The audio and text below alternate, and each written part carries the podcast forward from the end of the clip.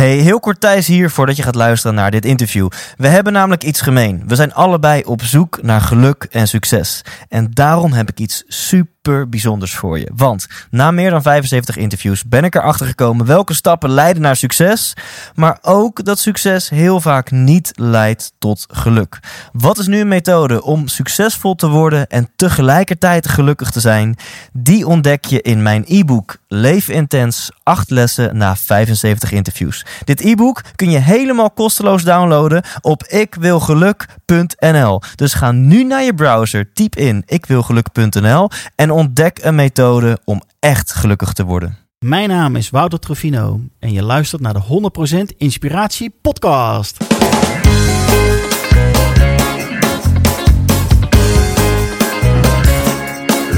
Hey, wat goed dat je luistert. Hij staat weer voor je klaar. Je wekelijkse dosis inspiratie is weer daar. De allerleukste gasten geven al hun kennis prijs. Met je veel te blije host, hij praat je bij. Zijn naam is Thijs. Thijs, Thijs, Thijs, Thijs, Thijs. 100% Thijs. Ja, welkom bij aflevering Intens 49. En als trouwe luisteraar denk je misschien, huh, het zou toch Fred Matser zijn die je deze week gaat interviewen? Ja, dat klopt, dat was oorspronkelijk de planning, maar er is aan mijn kant even wat tussen gekomen. En daardoor eh, heb ik een, eh, een andere gast voor jou klaarstaan deze week en komt Fred volgende week. Deze week Wouter Truffino. En ik moet heel eerlijk met je zijn, Wouter heeft misschien geen gouden plak. Hij heeft geen miljoenenbusiness, nou, nog geen miljoenenbusiness kan ik beter zeggen. En hij is misschien geen BN'er. Maar de kans is zeer groot dat jij je kunt identificeren met zijn verhaal. En juist daardoor dat hij jou extra zal inspireren. Want ik krijg heel vaak de vraag van mijn luisteraars. En als ik lezingen heb gegeven van, uh, van mensen die achteraf naar mij toe komen. En die zeggen: Weet je, Thijs, ik heb een baan. En uh, sommigen zeggen dat, dat, dat is al redelijk mijn passie. Anderen zeggen ik heb het helemaal niet naar mijn zin. Maar het verhaal is vaak hetzelfde. Ik heb een baan. En daarnaast heb ik ook een droom om mijn eigen onderneming te beginnen. Om voor mezelf te beginnen. Maar ik heb geen volle spaarrekening en ik heb wel een hypotheek en een gezin. En dan kan ik heel stoer met mijn verhaal komen hoe ik dat heb gedaan. Maar heel eerlijk, weet je, toen ik cold turkey, zeg maar, van de een op andere dag mijn, mijn baan opzij, had ik geen vrouw, geen hypotheek en zeker geen kinderen. Ik had een studentenkamer van 300 euro per maand. En ja, als dat niet lukte, dan kon ik altijd nog bij mama gaan wonen. Ik moet je zeggen, dat was wel natuurlijk eh, een grote dreiging. Ik, eh, ik hou zielsveel voor mijn moeder, maar ik had zoiets van, nou, dat gaat echt niet gebeuren dat ik terug bij haar ga wonen. Maar sorry, ik dwaal af. Um, Wouter heeft dit geflikt. Hij had een mooie baan, misschien wel gouden handboeien, een mooi salaris, hypotheek, uh, een vrouw en kinderen. En is van de een op andere dag voor zichzelf begonnen. Hij, hij had zo'n drie maanden tijd om geld te verdienen. Drie maanden er stond op die kookwerker. En als hem dat niet lukte, kon hij zijn gezin niet voeden. Nou, dat vind ik mooi. Dan heb ik heel veel respect voor je. En hoe hij in die situatie kwam en hoe hij daar succesvol uit is gekomen, dat ga je leren in deze podcast. En hij gaat je vertellen hoe je ook binnen een werkgever, stel je luistert nu en je bent in loondienst, hoe je dan ook al binnen jouw werk, maakt niet uit wat voor baan je hebt en voor welke werkgever je werkt, dat je veel meer jouw passies en jouw talenten kunt gaan leven door het gewoon te doen. Klinkt het nu misschien een beetje vaag? Klinkt het interessant? Ik denk het allebei. Ik denk dat je vooral gewoon moet gaan luisteren. En neem een voorbeeld aan Wouter. Hier is Wouter Truffino. 100% wijs! Tegenover mij, Wouter. En uh, allereerst aan jou de vraag: wat wil je worden als je later groot bent? Ja, dat is een mooie vraag. Die hoor je natuurlijk elke keer als ik jouw podcast luister. Kijk, dat, zo hoor ik het graag. Ja, uh, nou ja, ik, ik, wil in ieder geval gelukkig worden. Gelukkig oud. Dat zou wel heel erg, uh, erg fijn zijn. Ja. ja. En wat is daar, daar voor jou voor nodig? Nou ja, in ieder geval de, de omgeving thuis. die, die goed moet zijn. Goede relatie met, met vrouwen, kinderen. En misschien als ik later echt groot ben, kleinkinderen. Ja, dat is het allerbelangrijkste. En dan genieten van het leven, genieten van elkaar. Ja, en hoor ik daarin dan dat dat werk misschien niet het allerbelangrijkste onderdeel is in je leven? Nou ja, dat is het nu wel. En uh, ik werk best hard, uh, durf ik al te zeggen. En ik ja. werk ook eigenlijk te hard. Uh, en ik zou dus eigenlijk wel meer tijd daarvoor vrij eh, willen, willen maken. Um, en dat doe ik ook wel heel bewust op dit moment. Uh, met, met schoolvakanties dan met name. Die zijn echt gewoon vrij. En dan gaan we weg. En dan zijn we met elkaar zijn we bezig. Ja. Uh, maar later als ik groot ben, zou ik meer tijd daaraan uh, aan willen en kunnen besteden. Ja, maar voor nu is het oké okay dat, dat je hard werkt. Dat, ja, kan, dat, past is, allemaal. Ja. Ik ben uh, 37, 38, dus het kan nog. Kijk, het ja, kan ja, nog. Precies. En je ziet eruit als 27. dus, hey, ehm, jij bent geen, geen BN'er. Dus uh, zou je misschien... Nog niet? Nou, nog, nog niet. Laat zeggen, absoluut. Laat zeggen, nog niet. Nou, misschien wel in jouw branche. In jouw branche ben je denk ik wel... Je bent wel business BN'er. Ja. Zoals Sarayda Groenhart dat zou zeggen. Ja, klopt. Um, maar voor de mensen die niet in jouw branche zitten... zou je jezelf uh, even willen introduceren aan de mensen. Van uh, wie ben jij en wat doe je? En Ja, dan gaan we daarop inzoomen. Want ik weet uiteraard wat je gaat doen. En daar heb ik wat vragen over. Ja, ik ben een verbinder. Ik ben iemand die mensen enthousiast maakt. Ik ben eh, iemand die mensen bij elkaar brengt. Dat eh, matchmaken. Ehm, ja, en ik ben altijd een beetje anders dan, eh, dan anderen. Dus ik durf wel mijn kop boven het uit te steken en een beetje gek te doen af en toe. Ja, dat is Ja. wel wie Wouter Truffino is. Te gek. En dan jouw, jouw lifeline. Hoe is het allemaal, ehm, hoe is het allemaal begonnen? Welke studie heb je gekozen? En wat waren jouw eerste werkgevers? Ja, ik ben eh, opgegroeid in Eindhoven. En in Eindhoven eh, HAVO afgerond. En toen eigenlijk de keuze van, nou, ik wil eigenlijk VWO doen. Toen kreeg ik de keuze van mijn ouders daarnaast van, ja, je mag van ons ook een jaar naar Amerika. En toen dacht ik, wauw, dat is wel vet, hè. Ik ga gewoon een jaartje high school doen in, eh, in de States. Een jaar op mezelf, of in ieder geval in een Ja. gastgezin. Maar ja, je bent gewoon weg van iedereen. Ja. Ehm, en dat heeft me wel gevormd eh, dat jaar. Ja. Ehm, ja, en daarna, eh, na dat jaar kwam ik terug in Nederland. Ben ik eh, weg- en waterbouwkunde gaan studeren. Civiele techniek in Haarlem. Weg van Eindhoven. Helemaal opnieuw beginnen. Nieuwe mensen leren kennen. In een nieuwe stad, nieuwe omgeving.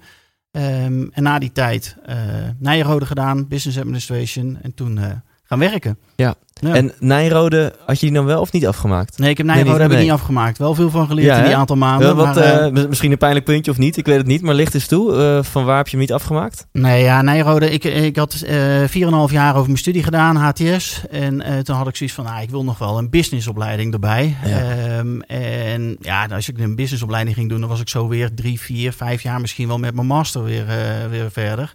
En ik had zoiets, kan dat ook niet sneller? En toen kwam ik op Nijrode uit, 16 maanden. Maar dat was een beetje te heftig, want ik had in mijn hele carrière daarvoor helemaal niks met economie eh, gehad. Eigenlijk Ja. nauwelijks. Dus Ja. ik had helemaal geen achtergrond in, eh, in, in bedrijfskunde. Ja, en dan wordt het toch wel zwaar om een, eh, een masteropleiding in 16 maanden te doen. Dat is wel heftig.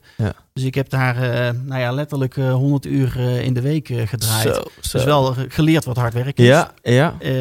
Maar niet afgerond. Nee. Nee, na vier maanden En, en genoeg. mensen die, die nu overwegen om Nijrode of een andere business school te doen, kan je ze dat adviseren? Of zou je zeggen, nou, die centen kun je beter in je eigen bedrijf pompen en dan leer je in de praktijk veel meer? Ja, dat is een hele moeilijke vraag die je me nou stelt, Ja, dat weet ik. Ja, dat is een hele ingewikkelde vraag. Want het kost wel wat. En ehm, als ik daarop terugkijk. Ja, kijk, toen wist ik nog niet dat ik ondernemer wilde worden. Ja. Ehm, en ehm, als ik dat. Ja, als ik nu in diezelfde positie had gestaan en ik had geen, on- geen ondernemerschap eh, eh, eh, vraagstuk aan me gehad, of in ieder geval die drive gehad om dat te willen gaan doen, dan zou ik zeker iedereen aanraden om Nijrode te gaan doen. Maar wil je echt ondernemer worden, dan is er wel iets beters dan, dan Nijrode. Oké. Daar ben ik ja, van overtuigd. ja. En maar misschien als je in de grote corporates wil binnenstromen Ja. op hoge niveaus, dan moet je gewoon zo'n Nijrode papiertje. Dan ja. is het prima. Ja. prima. Hey, en eh, toen je zegt, toen wist ik nog niet dat ik ondernemer wilde worden. Nou, daar wil ik straks wat vragen over stellen. Want jij bent wat mij betreft echt het voorbeeld van, van iemand die bij een bedrijf zit. Misschien wel eh, gouden handboeien, gewoon een mooi salaris. En, eh, en een hypotheek en een gezin. En weet je, hoe maak je dan die overstap? Nou, daar gaan we het straks over hebben. Eerst eens eventjes ehm, wat, je, wat voor moois je hebt voor elkaar gekregen in jouw, jouw, jouw eh, periode als, als werknemer nog, zeg maar. Want Ja. ook daar heb je eigenlijk gewoon als ondernemer gedragen. Ehm, en dan heb ik het over, eh, over Grondmei. Kun je eens er wat over vertellen je- hoe hoe jouw baan bij Grondmei eruit zag? En hoe je uiteindelijk eh, nou, een mooi project daar bent gestart? Ja, dat klopt. Ja, ik ben eigenlijk, eh, voordat ik bij Gommei terecht kwam, twaalf jaar lang in die weg- en waterbouwkunde werkzaam geweest. Bij advies- en ingenieursbureaus. En toen kwam ik bij Gommei. Ook een Ja. advies- en ingenieursbureau. 1700 medewerkers in, eh, in Ja. Nederland. En eh, even, de sorry, tijd. heel korte vraag tussendoor. Was je in je SAS? Had je het naar je zin, die 12 jaar? En ook, Ja. Oké, was Ja. gewoon echt een bewuste keuze en eh, naar je zin. Nee, ik had hartstikke naar mijn zin. Ik heb wel heel veel eh, verschillende dingen gedaan, maar eh, altijd al naar mijn zin gehad als business, eh, business developer. Altijd bezig geweest met eh, eh, ja, sales, eh, werk binnenhalen, nieuwe dingen bedenken. eh, met innovatie, met duurzaamheid altijd bezig geweest. Ehm, en toen op een gegeven moment dus bij Gommei uh, aan, de, aan de slag gegaan. Weer een grote corporate. Ehm, ja, en dat, ik, vind het wel, ik vind het wel mooi om daar, uh, daar te werken hoor. Ja. Alleen, ja, dat, er kunnen wel heel veel dingen anders. Ja, want even voor de mensen die het niet kennen. Hoeveel mensen werken ongeveer per grond bij? Ja, toen de tijd 1700 uh, ja. in, in Nederland, 7000 wereldwijd volgens mij ja, inmiddels. Ja, dus grote, grote club. Ja. Oké, okay, en dan zou je denken, nou, dan zit je ergens, uh, je bent een nummertje en uh, je moet gewoon uh, werken onder je manager en je uren maken en verder je mond houden. Ja, maar dat, zo werkt het bij mij niet. Ik, ik stap vaak even net buiten de lijntjes ja. en steek vrij snel mijn kop boven ja. het maaiveld uit. Nou ja, en daardoor ik... ben je in deze podcast beland. Ja, ja. ja. nee, omdat ik vaak, ik, kijk, ik denk wel, jongens, dingen kunnen ook beter of slimmer of efficiënter of anders. En ja, daar ga ik dan wel wat mee doen. Ja. Ja.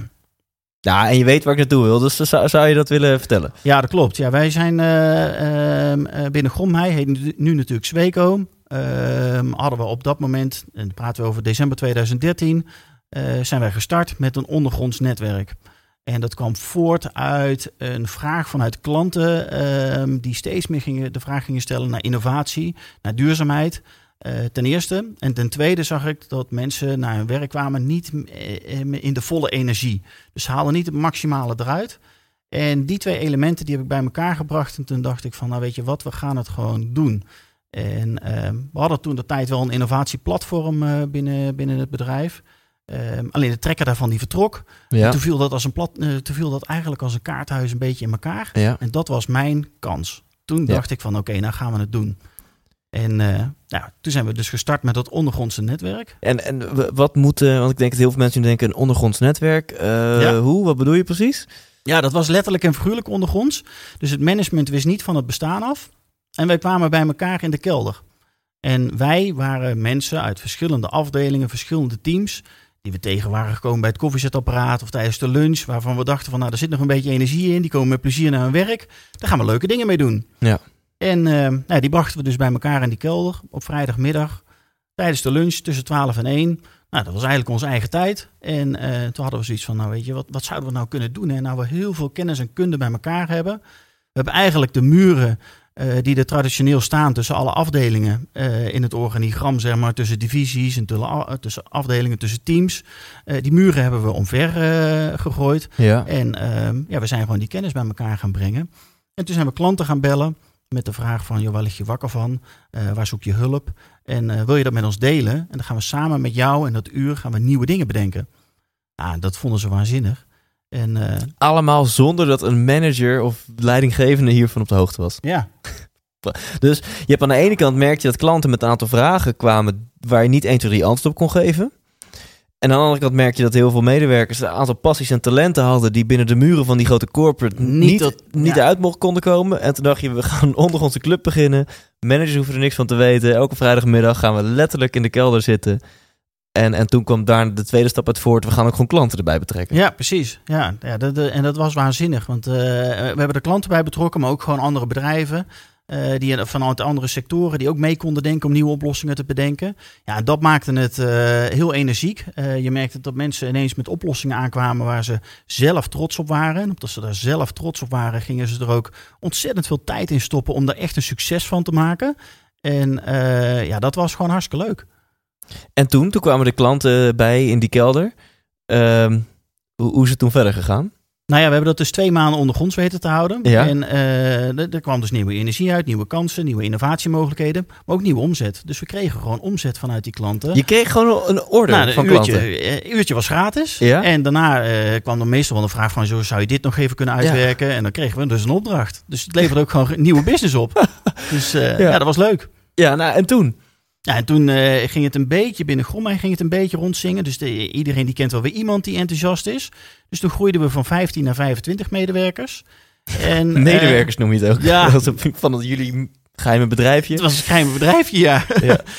en uh, ja, dat, dat werd dus dat, dat werd hartstikke leuk. Um, totdat op een gegeven moment de opdrachtgevers die bij ons in de kelder waren geweest, die begonnen erover te praten in de, in de buitenwereld, zeg maar. Ja. Nou, toen kwam het middenmanagement erachter. En ja, dat was even een uh, vervelende periode.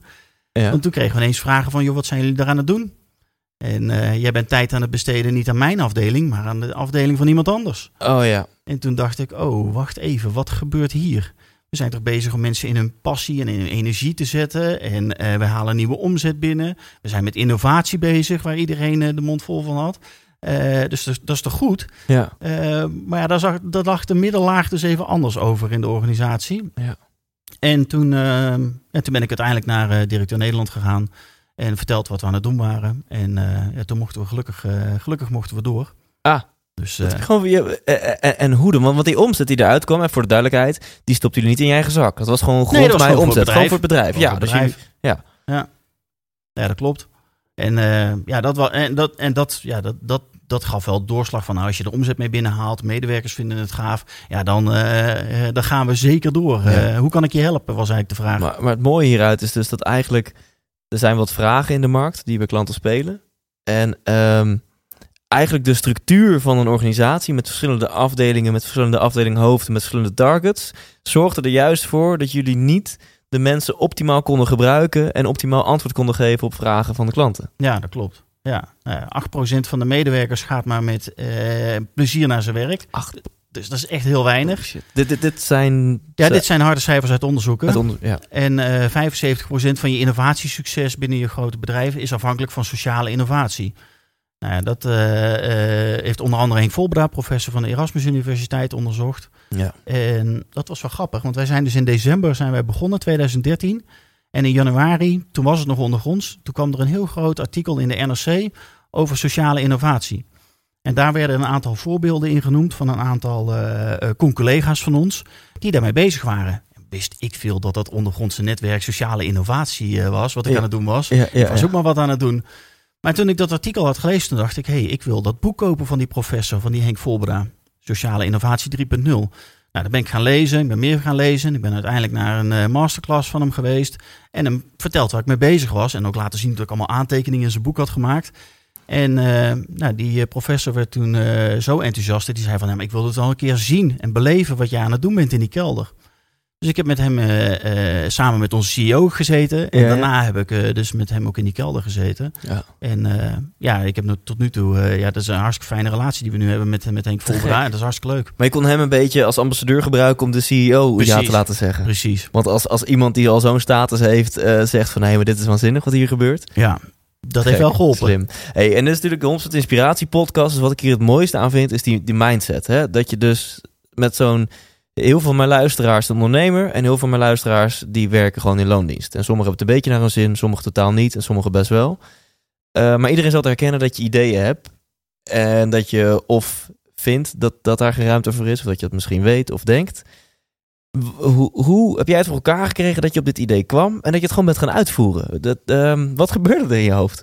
Nou ja, kijk, dat is, misschien is dat ook wel een eigenschap die ik heb om net even anders te zijn dan anderen. En ook wel lef om het gewoon te gaan doen en het, eh, het klein te houden en klein te, te beginnen en te testen of het werkt. Ja. Ehm, ja, en ja, je, je moet, ja, lef is toch wel het allerbelangrijkste. En doorzettingsvermogen. En geloof eh, in dat het ook anders kan. En ehm, ook daadwerkelijk vanuit een eigen intrinsieke motivatie dat bedrijf echt verder willen helpen. Niet met de waan van vandaag bezig zijn, maar ook van morgen. Ja. En dat zijn er altijd een aantal binnen je organisatie. Ja, en als je die mensen de ruimte en tijd en energie kan geven, ja, dan eh, ik denk dat dat heel erg belangrijk is. ja. Dus Ja. je had echt wel, je zei het net al, je had naar je zin in je werk. Je had echt wel passie voor, voor de branche, voor het type werk dat je had gekozen. En daarmee had je dus ook passie voor het bedrijf. Ja, En was dit niet een ego-feest, maar was het juist een feest vanuit een bepaalde intrinsieke motivatie om echt, echt bij te kunnen dragen Ja, aan, aan deze wereld? ja klopt. Ja, Ja. ja. dat klopt. Tof. Ja. Je werkt inmiddels niet meer bij, eh, bij Grond Mij. Nee. Ehm, en, en dat is een, een tweede verhaal waar ik het met je over wil hebben. Ehm, hoe, hoe, hoe is dat gegaan?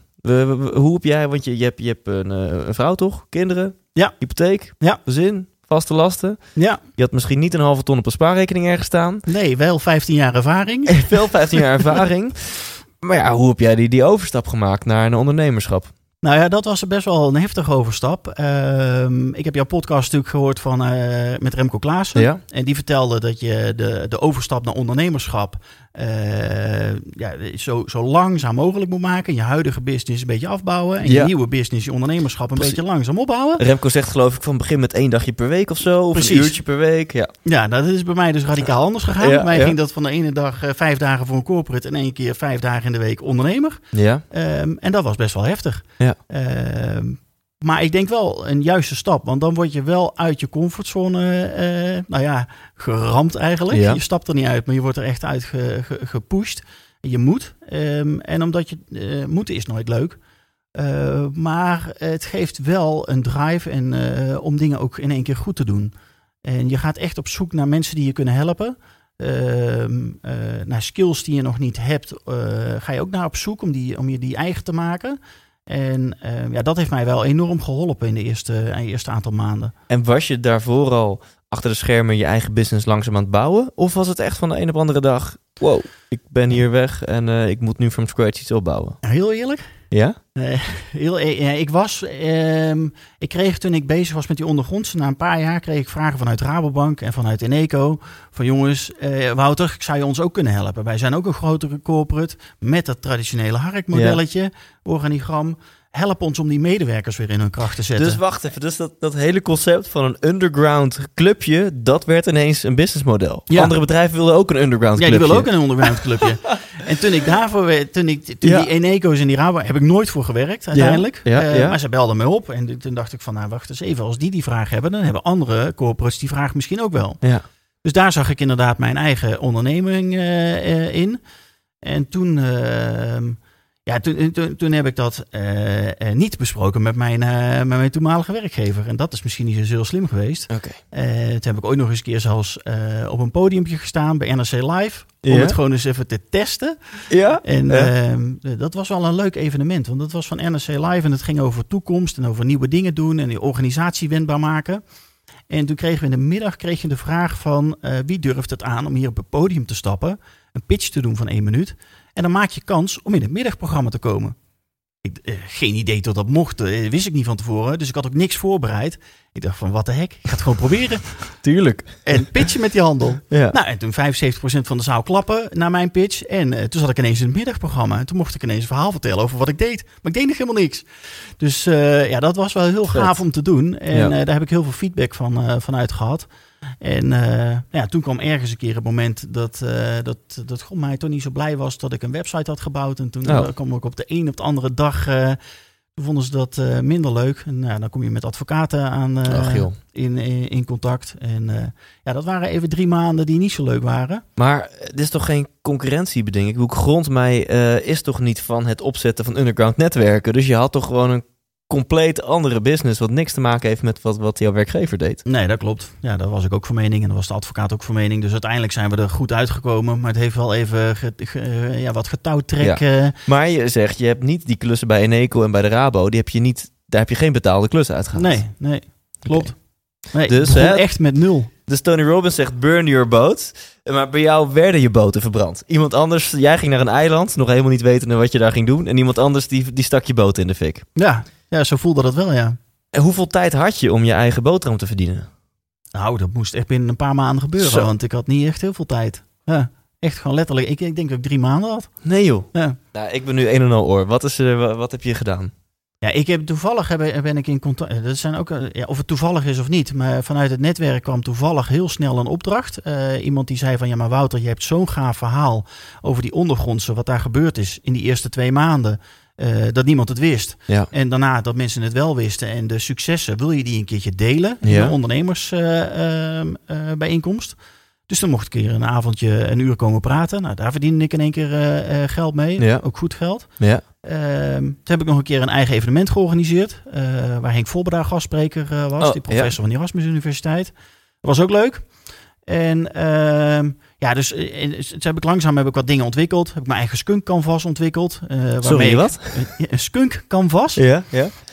Zal ik eens even, eh, dat is een canvas waarin je, waarmee je ideeën uit je eigen organisatie, uit je eigen medewerkers kan halen.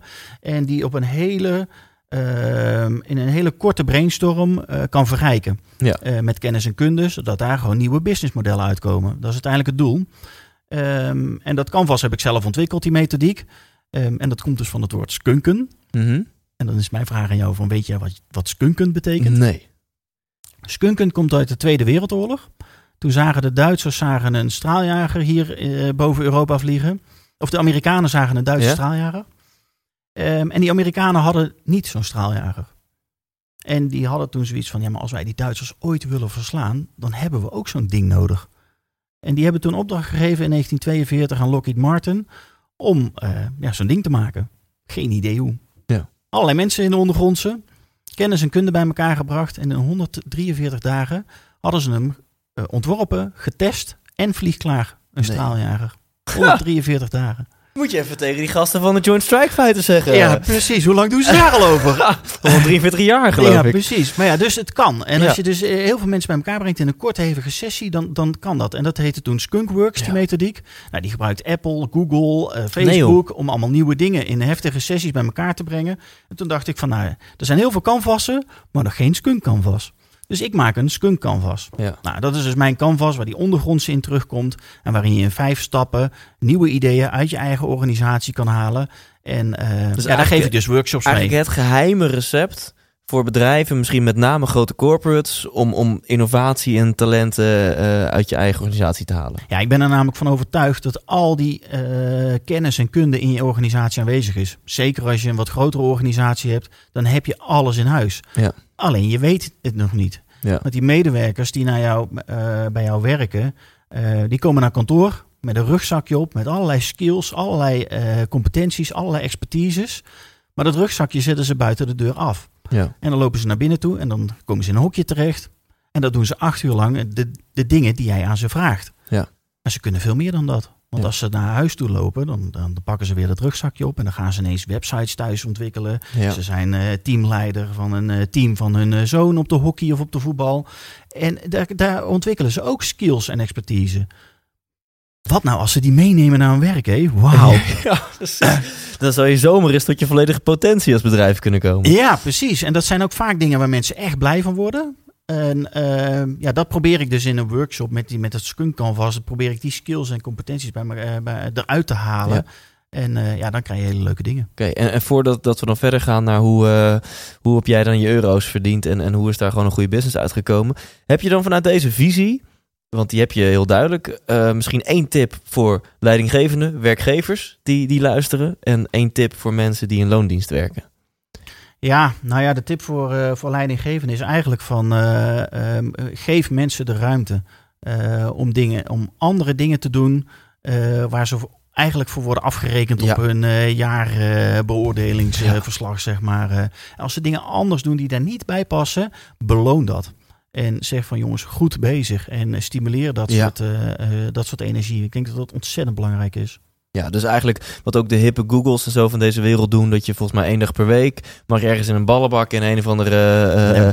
hele creatieve ruimte van het kantoor, mag je rondjes lopen om gewoon de creativiteit te bevorderen. Ja, Nou, dat, dat, dan is het echt hè, in een bepaalde structuur gegoten. Maar jouw tip is, geef medewerkers de vrijheid om gewoon hun passies en talenten te benutten, ook als dat niet past bij wat in hun arbeidscontract staat. Precies. Ja. ja, en beloon dat dan ook. Ja. En benoem dat dan ook dat het goed is. Ja. Dat het mag. En voor medewerkers? Ja, voor medewerkers heb lef en ga op zoek naar wat, je, eh, wat, je, wat, wat echt dicht bij jezelf ligt. Wat je passie heeft. eh, waar je gelukkig van wordt. En ga het gewoon doen. Ja. En eh, ja, het liefst wel met medeweten van die directie en van die directeur. want dat maakt het een stuk makkelijker. Nou ja, ik denk, wat als jij vooraf een toestemming had gevraagd? Dan had jij hier niet gezeten, denk ik. Ja, dat is een interessante vraag. De kans was groot geweest dat ik inderdaad eh, nee als antwoord had gehad. Ja. En dan had ik het was misschien wel eens niet gedaan. Dus eh, dat is inderdaad de vraag. Dus heb ook af en toe lef en doe gewoon dingen soms tegen de stroom in. Ja. En eh, steek je kop boven het maaiveld uit. En ja, dat wordt echt wel gewaardeerd. Ik denk dat je tip heel duidelijk is, ga het gewoon doen. Ga het gewoon doen. Ga het gewoon doen. Oké. Ja. Hey, en dan de, de, die, die skunk, hoe noem je het nou mooi? Canvas. Canvas. De- is, heb je, is dat je business geworden? Ja, dat doe ik nog eh, eigenlijk 5% van mijn tijd. Eh, ik ben 5% van mijn tijd bezig met mijn verhaal vertellen op podia. Ja. eh, over die eerste twee maanden. En ik geef af en toe workshops met, met het canvas. Ja. En nou, dat hebben we afgelopen vorig jaar april gedaan voor minister Schultz ook. Die had het vraagstuk rondom de zelfrijdende auto. En ehm, nou, toen had ik zoiets van, nou, dat wil ik wel een stapje verder brengen. En ik zie ook dat dat vanuit verschillende sectoren wordt opgepakt. Uh, automobielindustrie, energiesector, uh, verzekeringsbranche. Iedereen was bezig met die zelfrijdende auto. Behalve de bouw- en infrasector. En toen dacht ik, hé, hey, als we nou eens tijdens een evenement al die verschillende sectoren bij elkaar weten te brengen, hebben we heel veel kennis en kunde bij elkaar. Ja. Dus dan gaan we dezelfde taal spreken en dan gaan we nieuwe dingen met elkaar bedenken. En dan maken we Nederland echt leidend op het implementeren van zelfrijdende auto. Maar, ja, en dat vond Schultz vond dat fantastisch. Ja, en toen hebben we dus zo'n uh, zo'n dag hiermee, uh, hiermee Maar jij, jij hebt dus een event georganiseerd waar minister Schultz uiteindelijk ook aanwezig is geweest. Nou, of is het andersom? Ze kon niet, want ze, Oh. was, uh, ze had op, die, op dat moment had ze alle ministers uit Europa had ze in Nederland. Ja. En daar was als een Declaration of Amsterdam werd toen getekend. Um, en ze heeft toen, voor, speciaal voor mijn evenement, voor ons evenement, heeft ze een videoboodschap ingesproken. Had Ja. ze nog nooit eerder gedaan. Ja. Uh, maar ze vond het zo bijzonder wat we aan het doen waren. Dus ze heeft toen een videoboodschap gemaakt om iedereen Ja. even met een uh, hart onder de riem te steken. Dus dat was heel leuk. Hey, en ik hoorde mensen denken van ja, ik ben zo benieuwd hoe jij nou aan je euro's bent gekomen. Want je hebt, ja, je boten werden in de fik gestoken en je had een hypotheek en je had, drie, je had een kookwekker van drie maanden. Um, en je had nogal een, uh, een grote reden om, om die deadline te halen, zeg maar. Dus, dus wat, wat heb je dan gedaan? Ja, ik ben eerst ben ik naar um, um, mensen gegaan waarbij ik heb kunnen leren over ondernemerschap. Dus onder andere Nissan Deneta, maar ook Ilke de Boer en Remco Klaassen. Om maar te leren van, ja, wat kan ik nou slim doen? Ja. En hoe doen andere ondernemers het? En uh, nou ja, daar is uiteindelijk uh, Connect Knowledge dus uh, uitgekomen als één bedrijf. uh, waar ik 5% van mijn tijd mee bezig ben. Ja. Maar uh, uiteindelijk ben ik weer terug de bouwsector ingegaan. Ja. Want met, dat, met dat mensen enthousiasmeren was ik ook in andere sectoren bezig. Ja. En ik heb natuurlijk mijn ervaring ligt in die bouwsector als 15 jaar, uh, Ja. 15 jaar lang. Dus ik heb ehm, ehm, een, een nieuw model opgezet om innovatie, nieuwe technologie te laten landen in de laatste sector op aarde die er nog mee aan de slag kan gaan. De bouw- en infrasector. Ja. ja, de enige sector die nog een beetje uh, lag te tukken. Ja, precies. Ja. ja, waar faalkosten hoog zijn, winstmarges laag, en arbeidsproductiviteit ook nog uh, Ja. en nul. Dus ja, dat kan En, anders. en welk, welk businessmodel heb jij dan toegepast? Ja, we hebben een abonnementenmodel uh, toegepast. Dus we hebben in, eerst in kaart gebracht van joh, wat gebeurt er nou allemaal aan nieuwe technologie. Er zijn 360 start-ups zijn in, Nederlands in Nederland bezig met Contech en PropTech, Construction Technology, Property Technology. En uh, in Amerika en Engeland echt massive. En in uh, Nederland begint dat nu te maar komen. Oftewel gewoon technologie om Technologie. alles wat gebouwd wordt, om dat uh, duurzamer, innovatiever, slimmer te maken. Klopt. Gaat van drones tot robotisering, tot duurzaamheid. Ja. Echt van alles. Ja. Okay. En daar zijn vaak jonge ondernemers mee bezig. En die brengen wij in contact met corporates, zodat daar nieuwe business ontstaat. Ja, dus je hebt aan de ene kant die 360 startups die echt de meest waanzinnige ideeën hebben. Ja. En aan de andere kant heb je grote corporates die, die echt hongerig zijn voor innovatie. Ja. En toen dacht jij, bam, gat in de markt. Ik moet hier tussen gaan zitten en ik ga A en B met elkaar uh, in contact brengen. Ja, dat klopt. En dat doe ik samen met Sabine. En ja. uh, we zijn met z'n tweeën dit gestart. En uh, ja, dat is gewoon hartstikke leuk. Want we zijn op zoek naar het topje van de ijsberg, die Ja. vernieuwers in de sector. Maar als je die eenmaal gevonden hebt, het zijn allemaal mensen die met volle energie en met passie ermee bezig zijn. En die willen. Nou, dat is wel gaaf om met doeners te werken. Dat, uh, ja, dat Ja. geeft heel veel energie. Te gek. En even voor de mensen die luisteren, ik weet nog gewoon die beginfase. Toen kwam je ook hier bij ons op kantoor langs. Want zo zijn wij met elkaar in contact gekomen volgens mij. Ja, En toen was je gewoon zo hard aan het werk. Gewoon iedereen die jou maar een mailtje stuurde van... Hey, hey ga je nog wat je doet? Zei je, "Hup, ik kom langs koffie drinken, weet je al. Zag je gewoon een kans en zag je gewoon van... Nou, ik moet hier even één op één contact hebben om, om kennis te maken en die relatie op te bouwen. ja. En zo heb jij gewoon volgens mij van de, de eerste lidmaatschappen... en van twee, drie lidmaatschappen word je echt niet rijk. Nee. Ga je niet eens op de kosten komen, de verste verte niet. Maar je hebt echt gewoon vanaf de eerste lidmaatschappen... iedereen gewoon één voor één persoonlijk binnengeharkt. Ja, Alsof je als een artiest gewoon meet and greets met al je eerste fans doet om met een klein clubje te beginnen. we hebben heel veel mensen gesproken inderdaad. Zeker in het eerste jaar. Toen hadden we nog eh, ja, een, business, een gratis businessmodel. Om maar kennis op te doen en kennis te vergaren. Heel veel mensen gesproken. Heel veel mensen gesproken. Ja, dat heeft ons wel uiteindelijk eh, enorm geholpen. Ja. Eh, om een model te ontwikkelen waar iedereen ook gewoon echt vraag naar had. En waar echt behoefte eh, was. Ja, en als je toegevoegde waarde levert, dan willen mensen gewoon ervoor betalen. Ja. En we hebben nu 100 leden. Dus eh, ja, dat is top. Ja, maar dat is, ik denk dat hier al drie mooie tips in zitten. Ten eerste zeg jij, ga, weet je wel, je wil ondernemer worden, du- dus ga dan ook op zoek naar mensen die je dat kunnen leren. Hè, ondernemerschap is gewoon een vak. Ja. En dan kun je gewoon leren. Het zijn gewoon tips en tricks voor. Dus dat heb jij gedaan bij Nissan Day, bij Remco, bij Ilco en er zijn er nog veel meer. Ja, binnenkort eh, in april ga ik naar eh, Tony Robbins. Yes, in Amsterdam, dames en heren, Business Mastery. Nee, ik ga naar Londen. Oh, oh, je naar Londen. Oh, sorry. Oh ja, ja. Nee, dan eh, Eerst naar die, is, Londen. die is stiekem nog, nog energieker. Die andere is natuurlijk gaat vooral over business. Ja, Ja. klopt. Tof. Ja, UPW. ja precies. UPW, heel veel zin in. En dus één zeg je, ga naar, ga naar seminars. Of in ieder geval eh, eh, zorg ervoor dat je, dat je kennis durft ondernemen. Ten tweede, doe iets wat echt bij je passies en talenten ligt. Ja. En, en ten derde, voeg waarde toe. Jij Ja. hebt heel erg gekeken van waar is nou toegevoegde waarde. En Ja. als je hem toegevoegde waarde kan bieden, dan willen mensen betalen. Ja, precies. Ja, en ga het slim doen. Hè. Ga, eh, ga- bedenk ook een slim businessmodel. Ja. Stap in ieder geval uit de uren, want daar, word je, daar wordt niemand rijk van. Eh, dus je kan beter een ander model bedenken dan eh, uren verkopen. Ja. Ja, en dat is wat wij uiteindelijk gedaan hebben. Ja, want jullie kunnen gewoon in januari alle jaarfacturen versturen. Ja.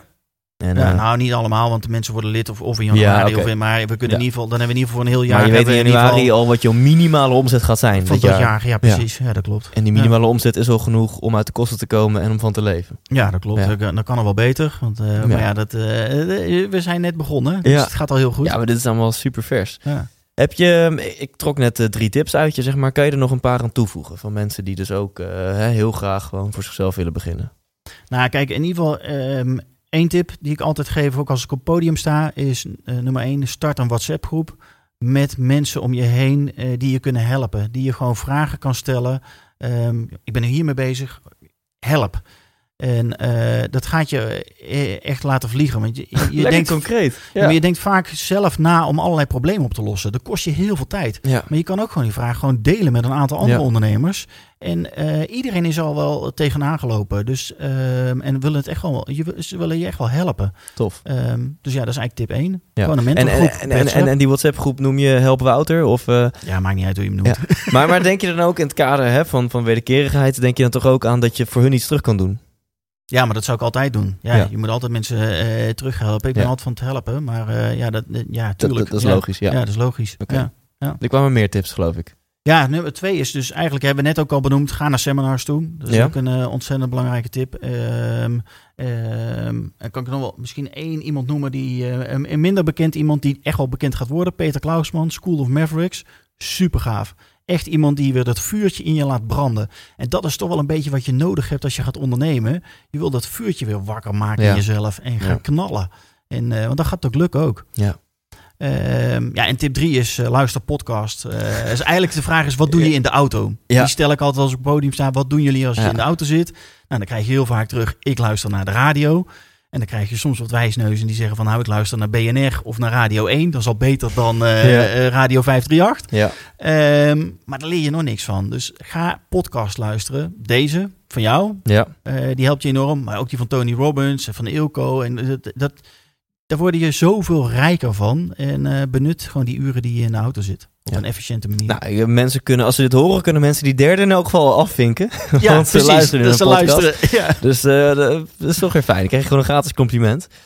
Ik ga je onder spot zetten als je het goed vindt. Ja. Ja? ja, leuk.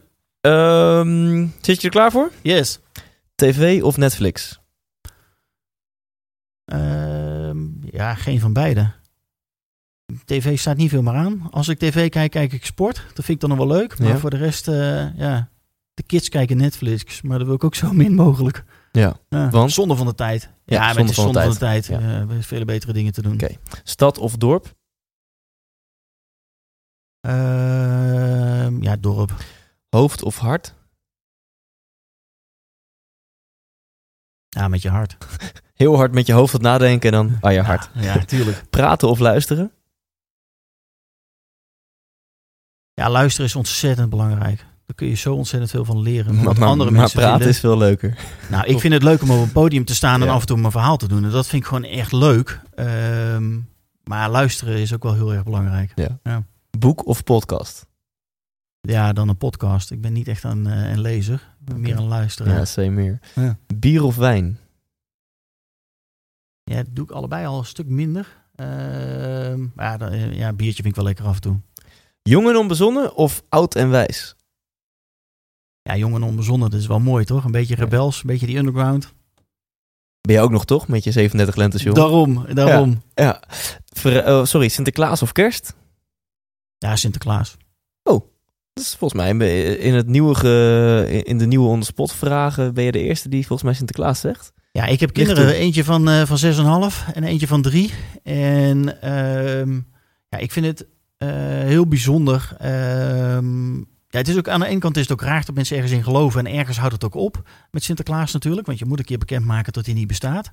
Ehm, maar dat hele sprookjesachtige wat bij Sinterklaas hoort. Het Ja. cadeautjes uitdelen en eh, het Zwarte Pieters. En eh, ja, ik vind het gewoon fantastisch. Maar ver- verklap jij nou aan mijn luisteraars dat Sinterklaas niet bestaat? Ik weet niet of zij... eh, heb je die dan? Precies. ja. Nee, maar ik mij, vind het eh, hartstikke mooi. Ik vind het heel mooi. Eh, Ferrari of Tesla? Oh ja, toch wel een elektrische auto dan. Beatles of The Stones? Ja, ik heb daar bijna niet heel veel mee, moet ik zeggen. Dan Nee. maar, eh, liever Kesha of... eh? eh, misschien wel de Party Animals. Oh, de Party Animals. Ja, een Oh, beetje de beuk erin Ja. af en toe. Lachen. Poetin of Trump? Ja, ik wist dat deze zou komen. Ehm, ja, ik vind het een hele lastige, een hele vervelende ook. Ik vind dat, kijk, ik zou voor Trump kiezen omdat hij in ieder geval die ondernemerschapskwaliteit in zich heeft. Maar wat hij nu aan het doen is met klimaat, ehm, is echt bizar. Eh, dus ik hoop niet dat wij ooit zo'n keuze in Nederland eh, krijgen. Of in Ja. ieder geval zo iemand aan de macht. Dat is echt zonde. Ja, Ja, dat, maar je moet nou toch kiezen. dan Trump. Maar Dan, ja, ja, Nee, precies. dat beetje, is- kies beetje, twee wat wil je liever? Een eh, schop in je maag of een knal voor je kop? Ja, is een beetje, precies. Ja, nee, geen prettige. Wintersport of strandvakantie? Ja, ik kom net terug uit, uit Frankrijk, uit de sneeuw. dus dan toch maar wintersport. Ja, lekker. Ik vind het, ehm, het, het mooie van wintersport vind ik. ehm, ik ga elk jaar op wintersport. eh, vanaf dat ik, nou ja, kon lopen, bij wijze van spreken. En ik vind het heerlijk om helemaal tot rust te komen. eh, bezig te zijn op grote hoogte in de natuur. Ja, eh, knallen van zo'n, af, van zo'n piste af. Dus je, je voelt ook Ja. echt dat je aan het sporten bent. ja. Ehm, en je bent met helemaal niks Ja. bezig. Ik kom echt helemaal tot Ja, rust tijdens laatste zo'n vakantie. ja dat komt laatst steeds meer terug bij mijn gast. Bijna iedereen zegt dat Ruben van Zwieten zei het, Albert Sonneveld zei het, David de Kok zei het, van neem rust, weet je wel. Gewoon af en toe rustmomentjes voor je Ja. geest. En eh, nou, elke week op wintersport, dat is misschien niet een, een goede tip, maar wintersport is inderdaad op die berg daar. Eh, als het goed is, heb je niet je telefoon bij, je, ben niet- of in ieder geval ben je niet aan het bellen. Gewoon lekker Nee, met de natuur zijn en Nee, ja, heerlijk. Heerlijk. Eén dag koning of één dag weer kind? Ja, dan één dag weer kind. En Nederland uit en er nooit meer in? Of Nederland in en er nooit meer uit? Mm, ah, ik vind Nederland toch wel heel fijn. Ja. Ja. Dus ik blijf wel hier. Ja, oké. Ja. Maar dan Ja. wordt, het, eh, dan wordt het wintersport in Landgraaf. Ja, precies. Ja, dat is het vervelende. Ja. Ja. En, en, en Terschelling is toch ook een iets andere experience dan Malediven, maar... eh, ja, precies. Ja, nou ja. Nee, maar als je er niet, nooit meer in zou kunnen gaan, ik vind Nederland toch wel prettig. Ja. En eh, ja, dan blijf ik wel hier. hey, tot slot, is er, eh, is er iets wat jij graag willen delen in deze podcast, maar wat nog niet aan bod is gekomen? Nee, nee eigenlijk niet. Hey, als mensen nu denken van ja, dit klinkt echt wel tof. Ik wil Wouter ook wel als keynote. Of ik wil gewoon een keer een kop koffie met hem drinken. Want dat vind ik echt gaaf, de dingen die hij doet. Of met Holland Contech. Of ik wil ook zo'n underground groepje oprichten. Eh, kan dat? En zo ja, waar kunnen ze meer info over jou vinden? Nou ja, zo'n underground eh, eh, groepje oprichten, dat doe ik eigenlijk niet meer. Als interim be- bedrijven helpen, dat moet wel een hele leuke vraag Ja. zijn en pas in de tijd. Maar, Maar als je met naar- een verleidelijke vraag komt, een kop koffie, dat is misschien nog wel uit dat vind ik hartstikke leuk. Ja, dat Ja. vind ik hartstikke leuk. Dat is prima. Ehm, dus voor die underground ga naar www.connectknowledge.nl. Eh, dat is mijn website over de, de ondergrondse, zeg maar. Ehm, en ja, als mensen me boeken, willen boeken als spreker, dat kan, kunnen ze daar allemaal terugvinden. Dat vind ik Ja. leuk om te doen. Ehm, ja, en als je in de bouw werkt, toevallig, of in de vastgoedsector, of in de infrasector, ja, ga dan naar www.hollandcontech.nl. Ja. En dan helpen we je aan allerlei nieuwe technologische oplossingen. Dus connectknowledge.nl of Holland, hollandcontech.nl. Ja. ja. Nou, te gek. Dankjewel, Top. Wouter. Yes, gaaf Thijs. Box. Dankjewel. Yo. Thijs, 100% Thijs. Bedankt, bedankt, lieve, lieve, lieve luisteraar voor het luisteren van deze aflevering. Ik ben heel benieuwd of het bij jou resoneerde, of je nu denkt, yes, fuck man, dit kan gewoon. Ik moet gewoon iets meer in mogelijkheden denken en eh, laat ik gewoon beginnen. Laat ik actie ondernemen. Of dat nu is als, eh, als werknemer nog binnen een bedrijf, of dat dat is als ondernemer. Of wellicht ben je al die babystapjes aan het zetten naast jouw, eh, jouw gewone baan om ondernemer te, te, eh, te worden. Ik hoop dat dit een eh, mooie aflevering voor jou was. En volgende week staat dan wel eindelijk echt Fred Matser voor je klaar. Hem ken je mogelijk ook niet, maar vertrouw me alsjeblieft. Als je mij vertrouwt, ga volgende week gewoon luisteren. Want eh, Fred is een bijzondere man die bijzondere resultaten heeft behaald en die bijzonder inspirerend is. Tot volgende week en onthoud, je weet het, leef intens.